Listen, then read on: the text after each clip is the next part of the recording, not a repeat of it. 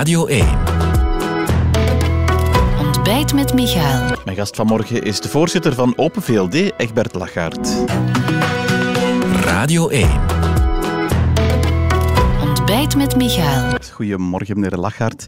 In uw thuisgemeente Merelbeke. Ja, beginnen met dat uh, nieuws uh, dat nog altijd vooraan uh, in het nieuws zit. Die sterke piek in aantal besmettingen, ziekenhuisopnames, intensieve zorgopnames. Is dat verontrustend wat u betreft? Wel verontrustender dan dat we gehoopt hadden. Hè. Ik denk dat we allemaal uh, na de vaccinatiecampagne, die heel succesvol was, gehoopt hadden dat we een normale winter zouden hebben. Maar ik denk dat we toch nog deze winter naar een soort uh, modus vivendi en verstandhouding gaan moeten zoeken om hier door te komen. We weten dat de wintermaanden het moeilijkst zijn. Ik zou daarbij niet panikeren. Op zich blijft het nog altijd zo dat de vaccinatie werkt. Hè. Dat is heel duidelijk. Maar je zit nu sinds het begin van het schooljaar met een broeihaard in het onderwijs die zich wat doorgezet heeft naar de volwassen bevolking terug. En wellicht zal dat ook op een bepaald moment weer afvlakken, maar we zullen wellicht toch enkele maatregelen moeten nemen om hier goed door te komen. Die maatregelen worden op een overlegcomité genomen. Dat is vrijdag gepland volgende week. Moet dat vervroegd worden? Well, ik, zou dat toch, uh, ik zou toch rustig blijven, want ik heb de indruk dat we nu ook wel wat paniekvoetbal spelen. Uh, op die zin, die zin moeten we de komende dagen kijken hoe de cijfers evolueren. Want met die feestdagen ertussen krijgen we soms ook wat vertekende cijfers ertussen. Um, en als die stijging natuurlijk exponentieel te hoog zou blijven, bon, dan kan men altijd sneller gaan. Maar ik denk dat het tot hiertoe op vrijdag blijft en, en ook zal blijven. Maar wel met extra maatregelen. Wel, ik, ik, ik, denk dat we toch een aantal extra voorzorgsmaatregelen zullen moeten nemen. Vooral, uh, laat ons zeggen, bij uh, gelegenheden waar veel mensen binnen samenkomen. Uh, we weten dat we dan met die CST nu gaan werken zijn, maar bijvoorbeeld voor kleinere evenementen nog niet. mondmaskers vallen overal weg. De vraag is of dat wel verstandig ja, minister Van den Broeke zegt overal mondmaskers. Kan u zich daarin vinden? Wel, in ieder geval, de CST is geen garantie op geen overdracht. het COVID-safety-cat is geen garantie dat het virus niet overdraagt. De kans is wel veel kleiner, hè, dus dat is zo. Maar overal de mondmaskers laten varen uh, in dit stadium uh, lijkt inderdaad geen goed idee. Dus vermoedelijk zullen we meer mondmaskers moeten ja, dragen. Minister Van Broeke zegt overal gewoon toekoer. Is dat iets waar u zich kan in vinden? Wel, laat ons bekijken, laat ons bekijken wat de wetenschap daarover zegt. In ieder geval is het zo, het COVID-safety-cat is geen garantie dat het virus niet overgedragen wordt. Dus we zullen meer met mondmaskers moeten werken, zeker binnen huis. Uh, buiten is dat een veel kleiner risico, maar binnen gaan we toch moeten zien dat meer algemeen toe te passen. Ja. u was een coole minnaar van het COVID-safe ticket. Uh, is dat nu uh, toch gewijzigd en vindt u dat toch een, een goede zaak? Wel, ik ben principieel tegen een, een, een soort pas als die COVID-pas. Maar natuurlijk, à la guerre, kom à la guerre. Hè. Als het morgen oorlog wordt, ik ben ook tegen wapens, maar dan gaat je de wapens moeten opnemen. En dat COVID-safe-ticket geeft ons wel een tool, een middel in handen, om uh, veel zaken open te houden. En, en dat is voor mij dan het belangrijkste, maximale vrijheid. Ja, en dit is dan een noodzakelijk kwaad dat we tijdelijk tolereren en dat we liefst zo snel mogelijk weer zien verdwijnen. Ja, Nederland zit ook vooraan in het nieuws, waar uh, ja, een, een soort lockdown, een, een, gedeeltelijke lockdown, in elk geval een, sluitingsvuur voor uh, horeca en, en niet-essentiële winkels en zo opnieuw ingaat. Vandaag al. Uh, vraag is, hoe lang gaat dat duren dat het bij ons opnieuw zo is? Maar ik stel me wel wat vragen of dat zinvol is. Uh, een korte lockdown, daar geloof ik totaal niet in. Uh, omdat deze winter, we weten dat dat een uitdaging blijft, zolang veel mensen binnen blijven. We hebben eenmaal een klimaat dat niet zo heel warm is. dus als je een korte lockdown doet, drie weken later zit je in dezelfde situatie als je alles weer heropent. Dus men moet volgens mij niet naar paniek grijpen. Men moet zorgen naar een aantal bijsturingen die zorgen dat het in de zorg redelijk blijft en dat we deze winter kunnen doorkomen Gelukkig hebben wij een heel hoge vaccinatiegraad, hoger dan in Nederland, waardoor we vermoedelijk die maatregelen niet moeten nemen. Ja, want dat is mijn vraag. Die maatregelen, dat is hier uitgesloten? Zoals ze nu in Nederland voorliggen, hoor ik daar niemand voor pleiten. Ik ook niet. En ik denk niet dat dat nu echt de oplossing is om nu uh, winkels sneller te sluiten. Uh, we gaan vooral naar grote uh, bijeenkomsten binnen huis moeten kijken welke extra maatregelen we daar nemen. En zoals minister Van den Broeke gezegd heeft, inderdaad, mondmaskers zullen daarbij een rol spelen. Kerstmarkten en andere grote evenementen, die komen er ook aan. Kunnen die? Voor mij wel, omdat dat eigenlijk buitenhuisactiviteiten zijn en, en iedereen weet dat het virus buiten veel minder overgedragen wordt. Dus ik weet dat het soms wat, wat vreemd lijkt om al die mensen samen te zien, maar buitenactiviteiten zijn op zich veel minder risicovol. Dat weten we al van, van de vorige winter. Dus laat ons daar ook niet in, in, in panikeren op dit moment. Ik heb liever dat mensen buiten huis en op een kerstmarkt samenkomen dan uh, dat men binnenhuis uh, met grote groepen zonder mondmaskers samen daar wel beperkingen komen. Hè? Het aantal mensen dat je thuis kan ontvangen, kan dat wel een, iets zijn dat op de tafel van het overlegcomité ah, ligt? Eerlijk gezegd op dit moment niet. Uh, en ik hoop dat dat ook niet terugkomt. Want dat is zo intrusief in mensen hun privéleven. Dat is als liberaal iets wat ik echt liefst, dat echt maar in een noodsituatie wil zien. het is ook heel is, moeilijk is het geen noodsituatie nu? De situatie is niet zoals vorige winter. Dankzij de vaccinatiecampagne. Op dit moment liggen 2400 mensen in het ziekenhuis. Je hebt een bezetting in intensive care 400. We weten dat de grens daar 500, 600 ligt die men kan uh, dragelijk maken. Ja, we hebben in andere periodes nog tot 1000 gegaan.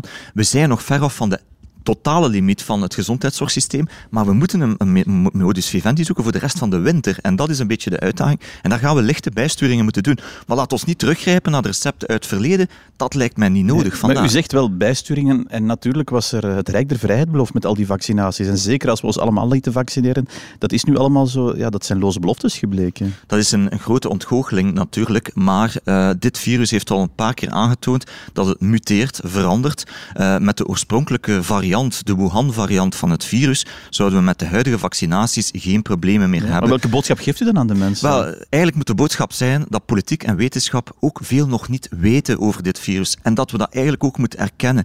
En je probeert dat zo goed mogelijk te managen met wat je weet aan kennis. Maar binnen zes maanden duiken er soms nieuwe informatie op over dit virus dat men niet wist. En dan moet je soms bijsturen. Dat is niet fijn. Ook niet voor politici, niet voor wetenschappers. En ik weet dat dat het vertrouwen van mensen natuurlijk benadeeld hen, en een knauw in dat vertrouwen geeft. Maar we gaan hier toch samen moeten uitkomen. Maar laat ons echt... Je moet wel een draagvlak hebben natuurlijk. Klopt, Misschien klopt. is dat gewoon weg. Je voelt dat in de samenleving men op een limiet zit. Als, als je nu opnieuw naar lockdown-toestanden gaat, ik weet niet of we dat nog van de bevolking echt gedaan zouden krijgen. Maar ik denk dat het tot hiertoe ook niet nodig is. Ik hoor er ook geen enkele expert echt voor pleiten.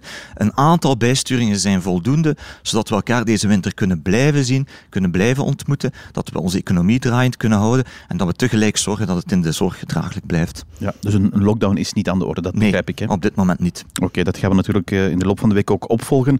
Een heel ander thema, maar ook eh, brandend actueel, meneer Lachaert, is eh, alles wat met energie te maken heeft. U was heel afwezig in uw partij, nochtans was er wel nieuws op dat vlak. De, de Vlaamse bevoegde minister zowel Demir, die heeft de op dat vlak belangrijke eh, vergunning voor de gascentrale in Vilvoorde geweigerd. Uh, u hebt daar nog niet op gereageerd.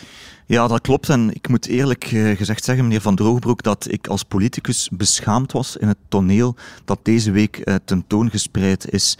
Uh, op zich verwachten mensen van, van politici verantwoordelijkheidszin in moeilijke omstandigheden om te zorgen dat in 2025 het licht blijft branden en, en de elektriciteitsfactuur betaalbaar blijft. En de cinema die ik deze week gezien heb, van het ene beleidsniveau naar het andere, dat brengt ja, niets bij. Met, naar wie wijst u met de vinger? Ik ga naar niemand wijzen in het bijzonder. Um, alleen uh, heb je natuurlijk wel de enorme uitdaging om te zorgen dat we sowieso gaan wij vijf van de zeven kernreactoren in ons land sluiten. Ik hoor nog altijd mensen naar buiten toe beweren dat dat anders is. Dat is niet zo. Politiek is daar een consensus over. Wat betekent dat we heel wat vervangingscapaciteit moeten zoeken. En dat kan van alles zijn. We kunnen nog spreken over die twee laatste kernreactoren. We kunnen spreken over gas. We kunnen spreken over hernieuwbaar. Maar mijn oproep is nu de ministers-presidenten van dit land, de regeringsleiders, samen met Alexander de Croo, zouden nu moeten samenzitten om een federaal plan te maken op onze energievoorziening. Of het licht gaat echt uit in 2025. Ja, maar nu zegt u eigenlijk, de Vlaamse, regering, de Vlaamse regering moet de federale bijspringen om ja, wat, wat, u daar afgesproken heeft te laten, te laten slagen? Wel, dus het, het federaal regeerakkoord bepaalt nog altijd twee opties. Hè. Dus men kan twee is dat zo? Het is, het is mogelijk daar nog over te praten. Alleen heel realistisch, de uitbater, Engie, die zegt zelf dat zij daar eigenlijk geen zin meer in hebben om dat nog te verlengen. Dus dat zal niet evident zijn. Maar wat dat men moet doen nu, is toch aan tafel gaan zitten met die verschillende regeringsleiders om echt eens samen te bekijken wat moet nu de vervangingscapaciteit zijn. Want die hebben we sowieso maar u weet natuurlijk dat, dat is echt geen optie. We de belangrijkste partij in die Vlaamse regering, de grootste partij, zegt wel dan moet kernenergie ook een optie zijn. Is dat bespreekbaar als u zegt er moet gesproken worden? Maar zelfs Tine van der Straten is geen anti-kernenergie-fetischist. Uh, op den duur heb ik de indruk dat het dogma dogmatische uh, bij verschillende partijen zit. Diegenen die voor die twee reactoren pleiten en anderen. Maar ik, ik hoor zelfs bij Tine van der Straten openheid om over alles te praten. Want dat moet men ook doen. Maar wat niet kan, is dat het ene beleidsniveau een bepaald bepaalde richting uit wil en een andere dan eigenlijk moedwillig dingen gaat doen zodat dat niet kan. Laat ons nu aan tafel zitten, laat de regeringsleiders nu hun verantwoordelijkheid nemen, samen met hun ministers van Energie, om een, samen een plan te maken. Want anders, met twee reactoren alleen, komen we er ook niet in 2025. Maar, toch belangrijk, zo'n tijdelijke verlenging, dat moet dan bespreekbaar zijn. Maar alles is bespreekbaar. Het staat zelfs in het federaal regeerakkoord, als de bevoorradingszekerheid in het gedrang komt, wat nu het geval is, is dat bespreekbaar. Alleen de vraag is, ga je dan uh, daarmee komen? Want twee verlengen betekent ook dat het mechanisme om steun te geven aan andere vervangingscapaciteit mogelijk vervalt. En met twee reactoren ga je er ook echt niet komen in de winter van 2025. Er wordt deze dagen vaak verwezen naar een eh, uitspraak van u als kandidaatvoorzitter van uw partij, waar u zei, met mij zullen die open blijven. Hè? Maar het stond in mijn programma dat ik voor, ik, op zich persoonlijk ben ik wel, was ik eh, een jaar geleden voorstander van een verlenging van twee reactoren. Maar alleen moet ik ook wel vaststellen vandaag dat de uitbater dat eigenlijk zelf niet wil en eigenlijk het afgelopen jaar al de hele tijd tegen mij en andere politici zegt, weet u, wij gaan al onze energie in de ontmanteling van vijf reactoren moeten steken. We hebben nieuwe projecten. Ons hoofdkwartier heeft eigenlijk nucleair opgegeven in België. Dat gaat absoluut niet evident zijn. En ik ga ook geen zotte prijs aan Parijs betalen om hier twee reactoren open te houden als er alternatieven zijn met een ander mechanisme die ons duurzame energie geeft. Ja, een bondgenoot voor uh, eh, NVA die, die pleit voor die Energy is uw Franstalige tegenhanger, of uw Franstalige zusterpartij, MR. De voorzitter daar die geeft uh, zowel Demir zelfs gelijk. Wel, ik uh, denk uh, dat uh, wat Georges Louis vertelt, ehm, natuurlijk naar energie, hij beroept zich op een deel van het regeerakkoord, maar ik zou toch mijn Franstalige zusterpartij oproepen om over het Vlaamse niveau, een andere regio, toch niet te veel uitspraken te doen. Omdat, Wat heeft daar wel gelijk gegeven, hè? Dat ja, is wel ja maar laat ons toch wel duidelijk zijn de manier waarop die beslissing genomen is. Ik ga geen kritiek geven op de beslissing op zich, dat is een, een juridische beoordeling. Of die standhoudt, dat zal door andere instanties worden beoordeeld. maar laat ons ook wel zeggen, de manier waarop die beslissing genomen is, nu geen toonbeeld van loyaliteit is uh, naar collega's Wat in, het Vlaamse, in de Vlaamse regering. Die beslissing was blijkbaar genomen uh, eind oktober, uh, zonder dat men eigenlijk de collega's van CD&V, Open VLD en zelfs eigen ministers van, van NVA had ingelicht. Um, allee, ik denk nu niet dat dat de werkmethode is die heel veel vertrouwen geeft binnen die Vlaamse regering. Is dat een probleem voor u? Dat, ik denk dat daar een probleem van vertrouwen is als, als een, een, een minister op 29 oktober zo'n belangrijke beslissing neemt, midden in een onderhandeling uh, in de Vlaamse regering over een klimaatplan, is dat toch geen fait divers en geen kleinigheid. Plus, die beslissing heeft ook een enorme impact op andere belangrijke investeringsdossiers in Vlaanderen. Denk aan Ineos in Antwerpen, een, een project dat, dat voor heel wat partijen in de Vlaamse regering belangrijk is komt hier toch ook in het gedrang door de beoordeling. Dus dit is geen kleinigheid. Dit had men minstens toch moeten melden. Dus ik denk dat Jan Jan Bon hier toch wel wat werk zal hebben naar het herstellen van, uh, van het vertrouwen. Ja, maar wat ook geen kleinigheid is natuurlijk dat u als voorzitter van een regeringspartij van die Vlaamse regering zegt er is een vertrouwensprobleem. Ja, maar dit is uh, denk ik geen uh, toonbeeld van loyaal gedrag. En hier zullen wij wat werk hebben de komende weken om dat te herstellen en, en dat vertrouwen te herstellen. ik denk dat dit niet voor herhaling vatbaar is. Nee, het is natuurlijk niet de eerste keer dat er een, een conflict, ik zal het zo noemen, uh, ontstaat. Wat die Vlaamse regering doet tegenover wat u in de federale regering doet, die heel anders is samengesteld. Hoort u dan nog thuis in die Vlaamse regering? Maar eigenlijk zou dit geen probleem mogen zijn. Ja, in een volwassen, dat het een probleem is. In een volwassen federaal land waar iedereen het volwassen federalisme omarmt, zou dit moeten lukken. Omdat je hebt een regeerakkoord Vlaams, je hebt er een federaal. En wat belangrijk is, is dat je dat respecteert en correct uitvoert. En dat doen wij op de beide niveaus. Ik denk CD&V ook. Maar uh, wat we ontbreken in ons land om federaal volwassen te kunnen functioneren, in ons systeem is er geen scheidsrechter. En dit moeten wij bij een volgende staatshervorming echt terechtzetten.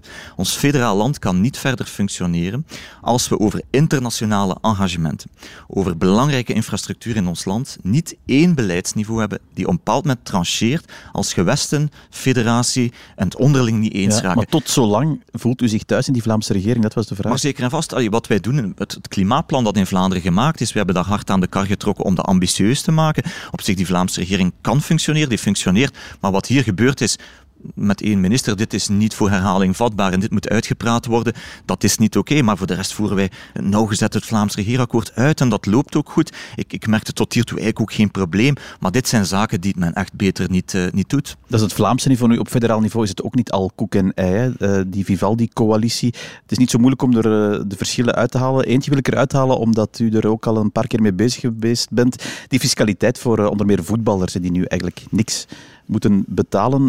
de bevoegde minister van Petegem die heeft een plan. Vindt u dat nu goed of niet?